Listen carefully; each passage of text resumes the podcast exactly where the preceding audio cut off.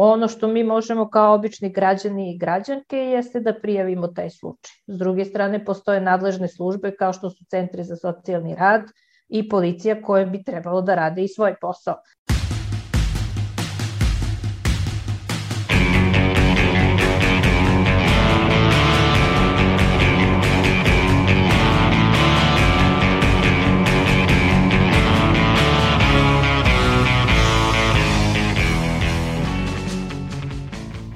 Slušate podcast Reaguj nezavisnog društva novinara Vojvodine. Moje ime je Iva Gajić, a na podcastu rade i Sanja Kosović, Irena Čučković, Aleksandra Bučko i Sanja Đurđević.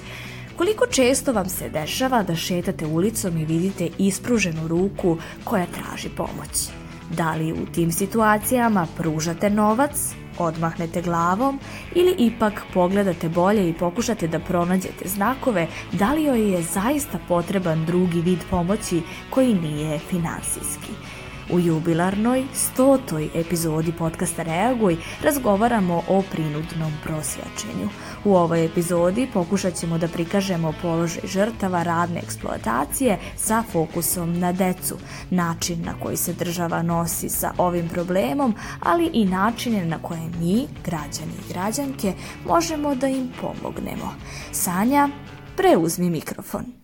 Hvala Iva. Organizacija Astra posvećena je iskorenjivanju svih oblika eksploatacije i trgovine ljudima, posebno nad ženama i decom, kao i pruženju podrške u potrazi za nestalom decom. Hristina Piskudilis iz nevladine organizacije Astra za podcast Reaguje objašnjava kako žrtve prinudnog prosjačenja najčešće dolaze u tu situaciju.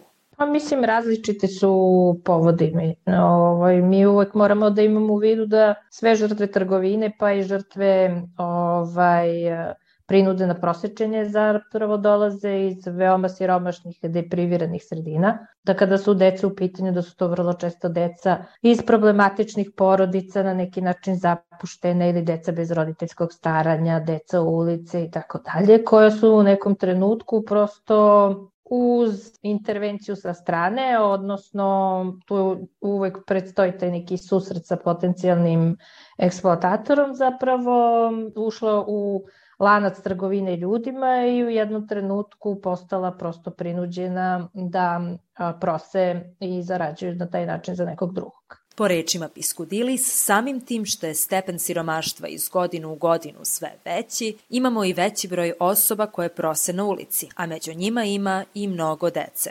Procene su da samo u Beogradu ima dve ili tri hiljade dece na ulici koja se bave prosječenjem. E sad ono što je, na primjer, bitno u svemu tome je da mi, mi znamo da je u pitanju prekršajno delo, ali s druge strane postoji neka, recimo, gledanje kroz prste od strane čitavog sistema i društva na tu pojavu, imajući u vidu da mnogi ljudi prosto na taj način izdržavaju porodice. Onda, s druge strane, nekad se desi da dete prosto u dogovoru sa roditeljima koji je takođe sklon različitim tumačenjima u smislu da li je prisila ili ne, u kojoj meri je prisila dete može na taj način da doprinosi i kućnom budžetu. Stepen siromaštva je svake godine veći. Deca ili pomažu roditeljima ili se brinu o sebi ili su žrtve prinudnog prosjačenja. Zato jeste odgovoran sistem. Međutim, Programska direktorka Centra za integraciju mladih Aleksandra Micić navodi da kada se govori o deci prosjecima, problem se prihvata kao problem nefunkcionisanja sistema pravosuđa i policije,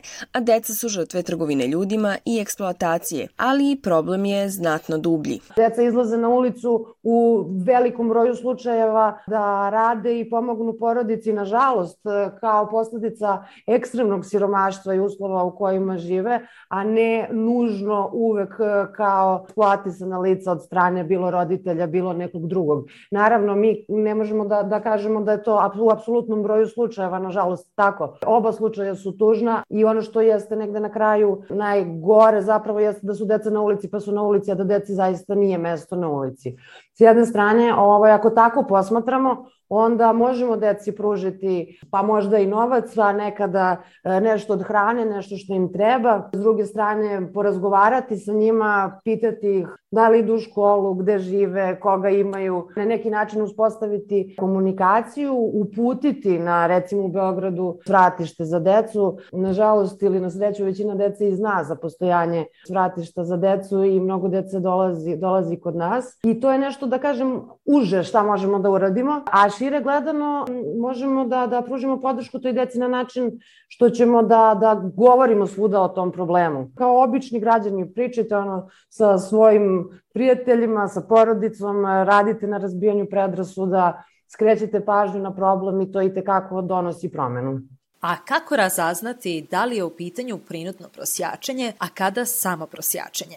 Dilis objašnjava. Ono što mi možemo kao obični prolaznici je da, naročito ako su to neke situacije na koje nailazimo svakodnevno, da ukoliko primetimo da je dete zastrašeno, da izbegava policiju, da je stalno u istoj pratnji odraslih, odnosno da jedna starija osoba ga dovodi ili odvodi, pa onda se dešava da ovaj vrlo često deca imaju neke znake fizičkog nasilja ili čak i sakaćenja da bi zarađivala veće sume novca. To su sve neki znaci koji prosto mogu na neki način da sugerišu da je u pitanju prinudno prosečenje. Ono što mi možemo kao obični građani i građanke jeste da prijavimo taj slučaj. S druge strane, postoje nadležne službe kao što su centri za socijalni rad, i policija koje bi trebalo da rade i svoj posao. Pa onda policija je tu da nadgleda sve te situacije i da proverava ko su i ta deca, ko su i ti ljudi sa njima, a svi centri za socijalni rad bi zapravo trebalo da imaju uvid u to i ko su deca ulice i ko su deca bez roditeljskog staranja i iz kakvih porodica dolaze i na koji način te njihove porodice zapravo privređuju, zarađuju novac za život, da li su to deca svojom e, voljom ili ih je neko prinudio. Mada je prijava najbolja opcija, naša sagovornica kaže da od strane građana često postoji zazor da prijeve takav slučaj. Upravo iz straha da to njima može da donese probleme, jer iza takvih slučajeva neretko stoje organizovane kriminalne grupe. Tu dolazi do one situacije ovo me se ne tiče ili ko će to sve da reši, to je ogroman problem ili mi smo jednostavno takva zemlja i tako dalje. Mislim, taj strah je s jedne strane razumljiv, ali s druge strane postoji neki jednostavni načini, a to su te anonimne prijave koje su uvek izvodljive kad su u pitanju jel te ne, vladine organizacije specijalizovane za bavljanje ovim problemom, kao što je trgovina ljudima pa i prinudno prosječenje, gde, na primjer, uvek može takav slučaj da se prijavi nama, a onda mi da anonimno podnesemo prijavu policiji na osnovu koje će oni izvršiti proveru i vidjeti o čemu se to zapravo radi. I to je možda što se tiče građanstva najbezbolnija varijanta, ni nešto što bi ja, na primjer, da ne radim u ovoj organizaciji, a da sam ovaj, prisutna u nekoj takvoj situaciji eksploatacije, na primjer, u radu. Htjeli smo da saznamo i šta mladi rade kada vide decu koja prose. Zato smo prošetali ulicama Novog Sada i Beograda i pitale ih da li viđaju decu koja prose i ako da, šta potom urade. Zaključak je, mladi su često sumnjičavi da taj novac ide u prave svrhe, te im najčešće novac ne daju. Ali njihove odgovore ipak možemo da raspodelimo u dve grupe. Prva je ona koja u poslednje vreme nije tako često primećivala decu kako prose ili makar ne tako rasprostranjeno. Iskrena da budem, u poslednje vreme jako redko viđem decu na ulicama da prose. Pre kad sam ih viđala, nisam im davala novac, već ih pitam da li hoće nešto da pojedu ili popiju, da im kupim doručak, ručak, šta god. A ako ne žele to, ne dam im novac zato što nisam sigurna da taj novac ide za prave stvari. Decu koje prose na ulicama vidim dosta često zapravo. A, obično im ne dajem novac, ponudim, da, ponudim im nekada da kupim, da, da im kupim nešto da jedu. A, ne dajem novac iz prostog razloga što verujem da taj novac ne ide direktno njima, već a, nekome za koga rade a, i to ne svojom voljom, tako da odbijam da ojačavam takve, takve prakse ali uh, uvek po, se ponudim da im pomognem nekako direktno, tako što im kupim nešto da jedu ili uh, im možda, ne znam, ponudim neki, neku, neki deo garderobe ako je hladno napolje ili tako slično nešto. Pa moram priznati da ne viđam često baš decu da prose, uglavnom su to stariji ljudi ili ljudi srednjih godina, ovaj, ali kad vidim neko dete da prosi, da mi direktno ovako povuče za rukav, da se tako izrazim, uvek dam 50-100 dinara, ne više od toga, ali uvek dam. Generalno viđem ih na nekim određenim lokacijama, ne baš na ulici da, da prilaze toliko često, bar ja nisam imala takve, takve situacije e, do sada, ali ukoliko vidim neko dete da sedi i da, da prosi, e, pre ću mu kupiti nešto da pojede, da popije ili nešto slatko. Uglavnom sam to radila pre nego da im dam novac, zato što mislim da, da taj novac e, uglavnom ne ode njima i da ga možda iskoriste na neki pogrešan način. U drugoj grupi su odgovori u kojima su ispitanici rekli veoma slične stvari. Za hranu daju, za ostalo ne, jer ne znaju kome odlazi novac, a sumnjaju da je to deci. Pa, relativno često ih viđam, zavisi kako se ponašaju. Ako dođu i odmah traže pare, daj neki dinar, Bog ti dao zdravlje, onda uglavnom im ne dam, jer me iritira, ne znam zašto.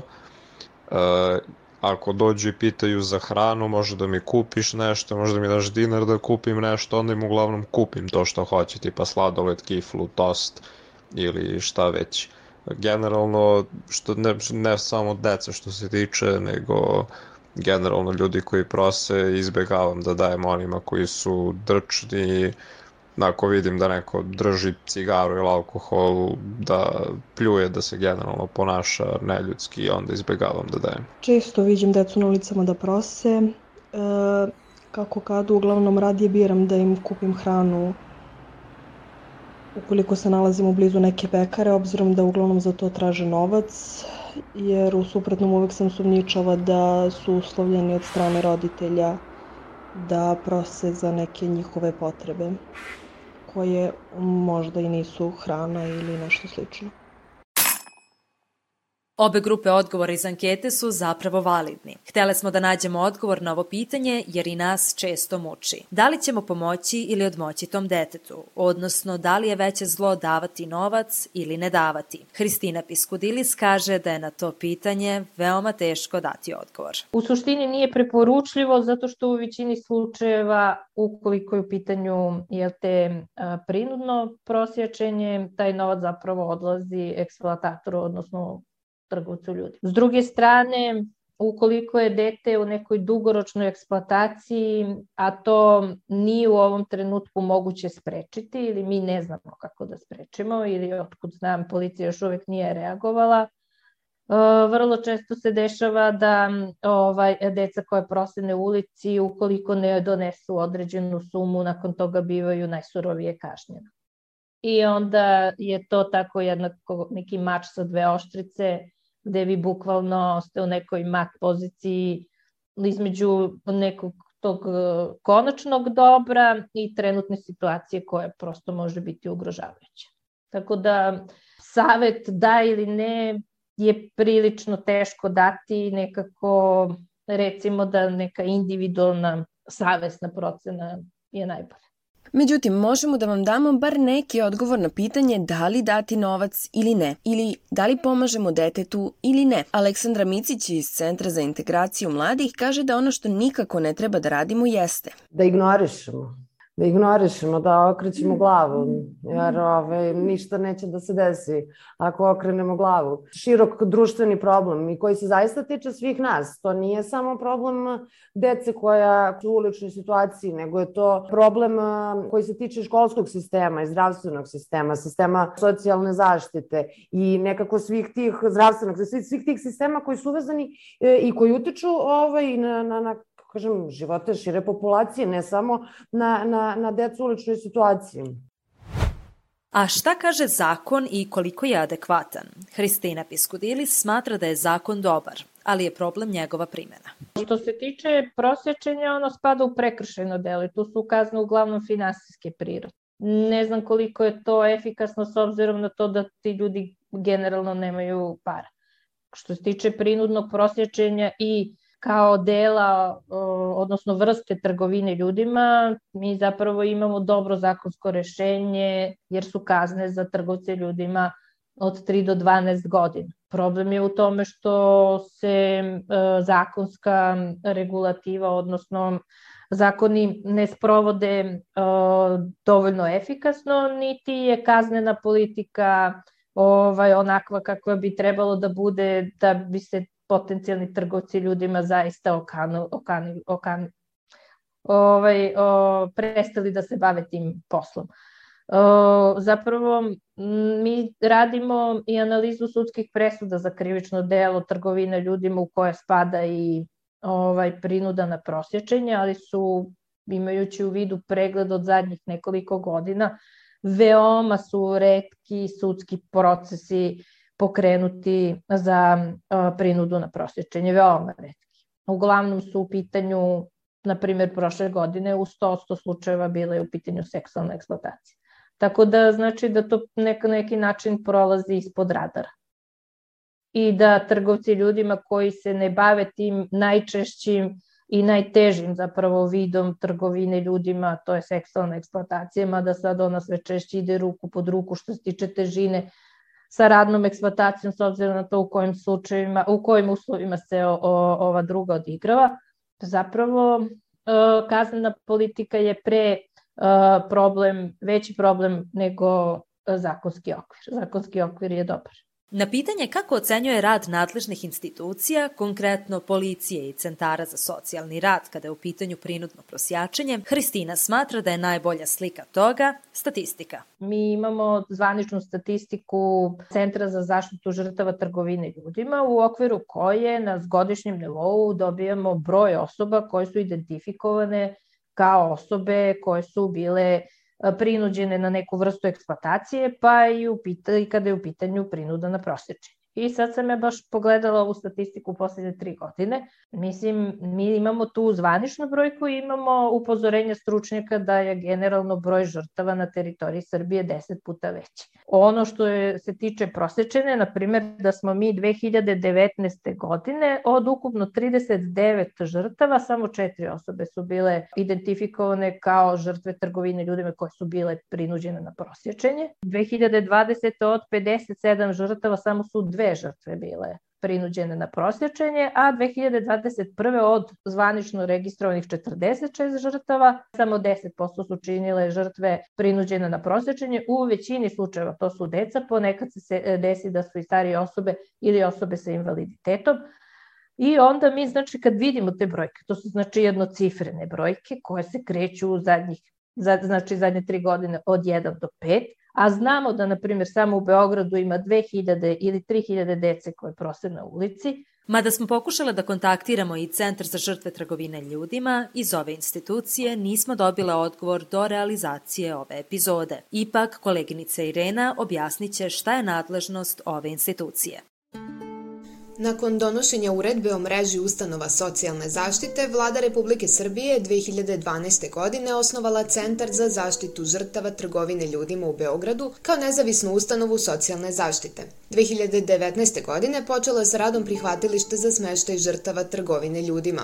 Kako ova organizacija navodi na svom sajtu, važno je reći da je Centar za zaštitu žrtava trgovine ljudima nastao nakon sprovedene analize o potrebama zaštite žrtava trgovine ljudima i potrebnoj podršci tadašnjoj službi za koordinaciju zaštite žrtava trgovine ljudima, koja je pokazala da je neophodno veće angažovanje države u zaštiti žrtava trgovine ljudima. Centar vrši procenu stanja, potreba snaga i rizika žrtava trgovine ljudima i na osnovu pokazatelja koji ukazuju da je lice žrtva, identifikacija edukaciju, a sve sa ciljem obezbeđenja odgovarajuće pomoći i podrške, kao i procenu i drugih značajnih osoba u njihovom okruženju. Izrađuje individualne planove pružanja usluga i zaštite žrtava trgovine ljudima, vrši praćenje realizacije planova usluga i zaštite, kao i ishoda zaštite i podrške žrtava koordinira aktivnostima pružanja usluga socijalne zaštite žrtvama trgovine ljudima, sarađuje sa centrima za socijalni rad, drugim organizacijama, službama i organima sa ciljem reintegracije dobrovoljnog povratka udruženja državu porekla, odnosno drugog načina obezbeđivanja najboljeg interesa i bezbednosti žrtava trgovine ljudima. Inicira aktivnosti u cilju uspostavljanja i unapređenja saradnje i mehanizama za zaštitu žrtava trgovine ljudima na nacionalnom i međunarodnom nivou. Pruža usluge urgentnog prihvata žrtvama trgovine ljudima, učestvuje u istraživanjima u oblasti trgovine ljudima i zaštitom žrtava. Učestvuje u projektima, aktivnostima i inicira unapređenja sistema zaštite žrtava trgovine ljudima. Izrađuje i izdaje stručnu literaturu od značaja za zaštitu žrtava trgovine ljudima, informiše zajednicu o svojim poslovima i promoviše svoj rad putem godišnjih izveštaja, korišćenjem internet sajta, brošura i slično, a u skladu sa svojim planom rada i strategijom informisanja. Organizuje konferencije i seminare sa ciljem unapređenja zaštite žrtava trgovine ljudima, obavlja i druge poslove u skladu sa zakonom, standardima i drugim propisima. Hvala Irena. Baš kada je u pitanju rad institucija, Piskudilis smatra da se brojke ne poklapaju sa slikom na terenu. Vidimo da tu kao sistem nešto, da nešto škripi, da prosto nemoguće je da ih je toliko malo.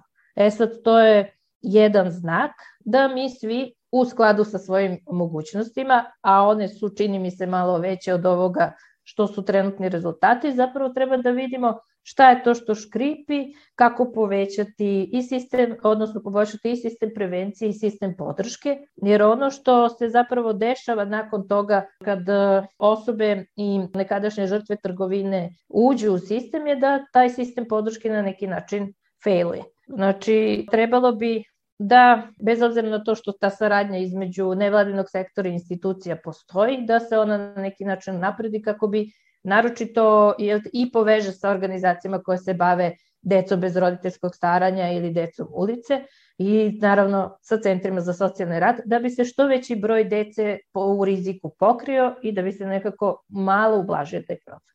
Upravo u organizaciji Astra vrši se preliminarna identifikacija žrtava, a pruža se i dugoročna podrška u svrhe resocijalizacije i ostvarivanja produktivnog života žrtava. Naša sagovornica objašnjava na kakav način Astra pruža podršku žrtvama prinudnog prosjačenja. Ono što je veoma bitno je da svaki put prosto imate individualni pristup jer nijedna žrtva nije ista. To znači jel te veliku senzibilisanost osoba koje rade na SOS telefonu i u sistemu podrške, onda jel te i dugotran sistem podrške u smislu onog trenutka kada se desi da počnemo da radimo sa nekom žrtvom, to bukvalno može da traje od nekoliko meseci do nekoliko godina naročito kada su u pitanju deca, koja prosto, bez obzira na to na koji su način bila eksploatisana, vrlo često imaju duboke traume, koje, za koje je prosto neophodno ogromno vreme da se one na neki način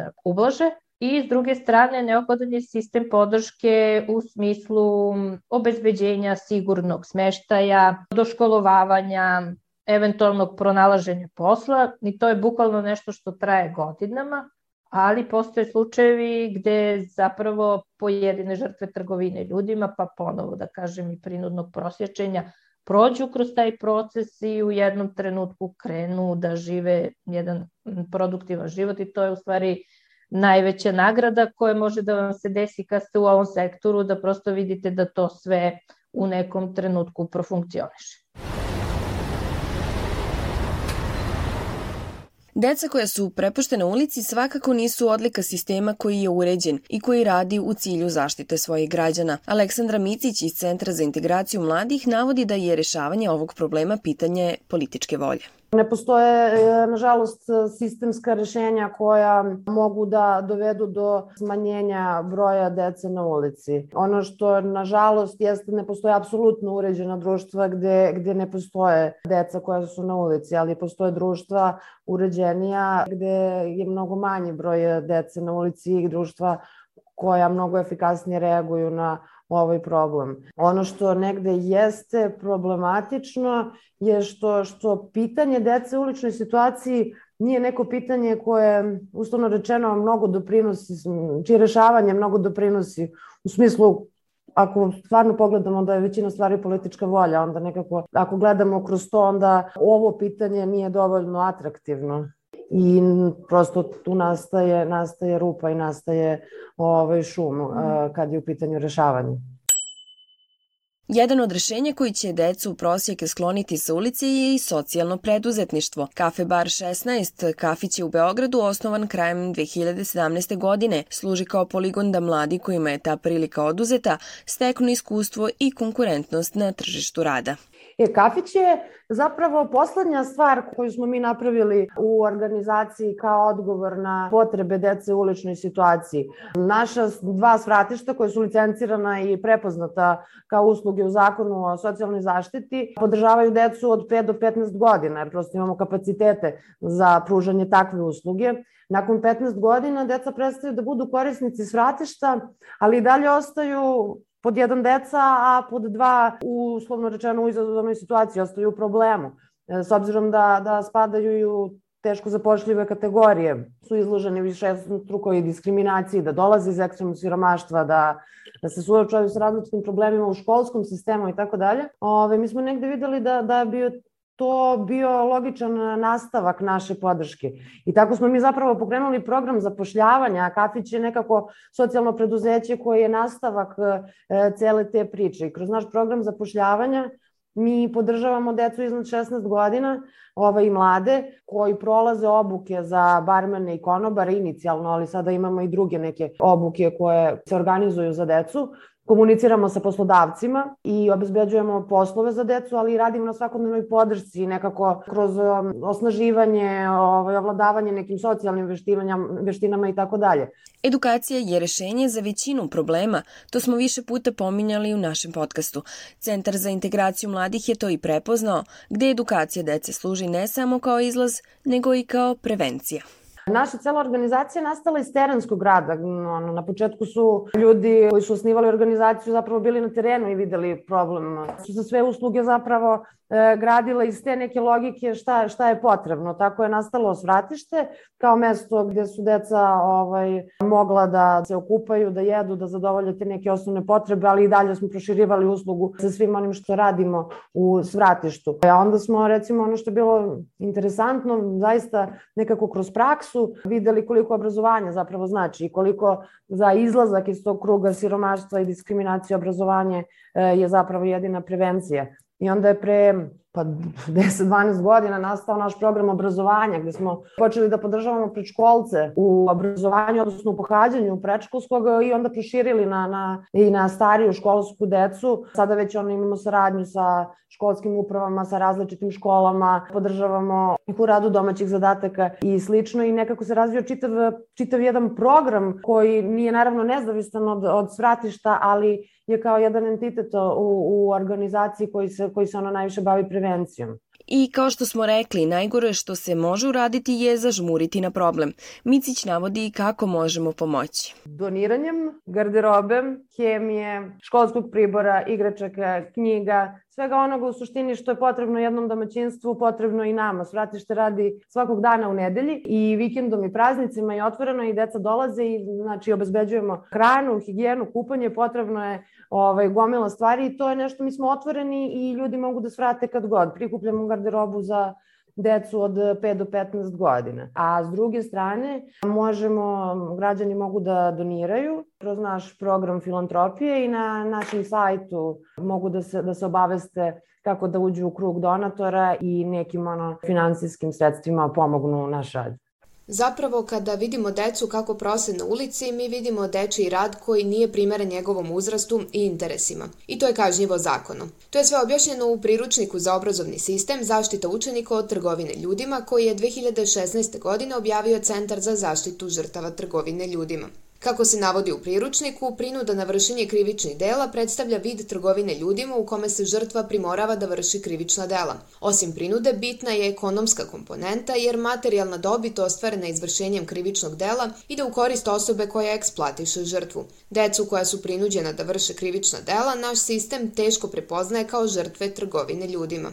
Prema dostupnim podacima, najčešća krivična dela dece žrtava trgovine ljudima su krađe predmeta od veće vrednosti, nakita novca, obijanje automobila, prodavnica i krađa određenih proizvoda. Dete obično dobije instrukcije šta treba da donese, u kojoj vrednosti, a ukoliko to ne učini, bit će kažnjeno.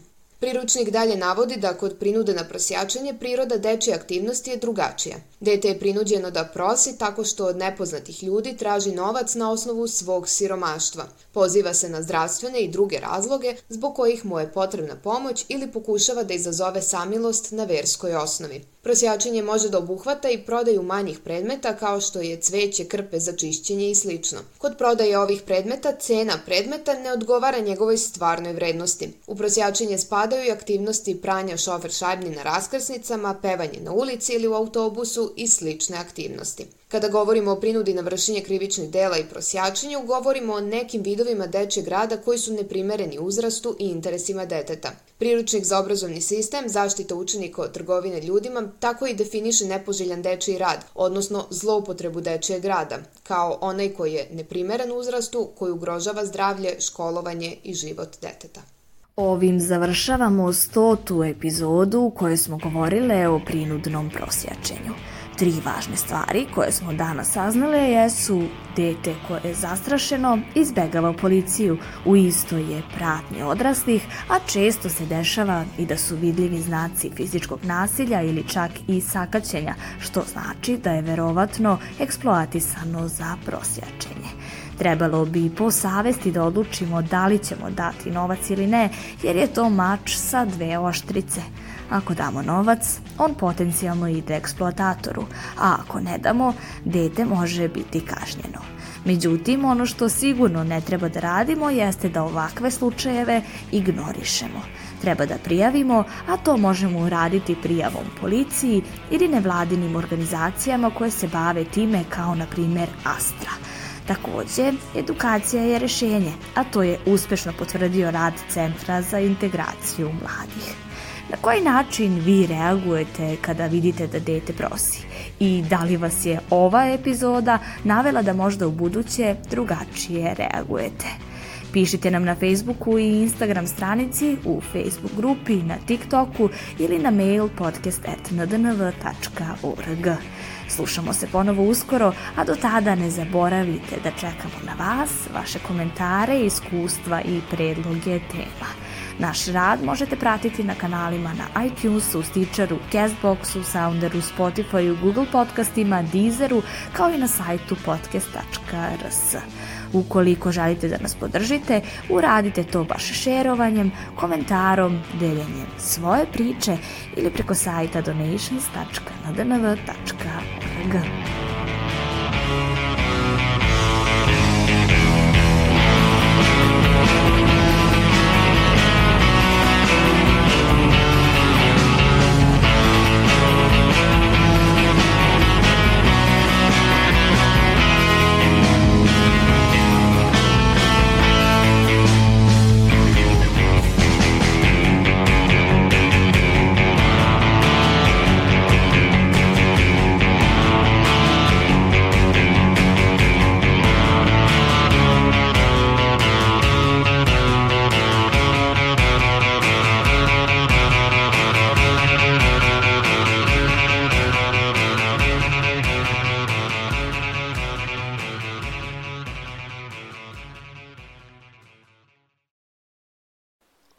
podcast je nastao uz finansijsku podršku Evropske unije. Sadržaj ove epizode isključiva je odgovornost podcasta Reaguj i ne odražava nužno stavove Evropske unije kao ni mreže za izveštavanje o različitosti 2.0.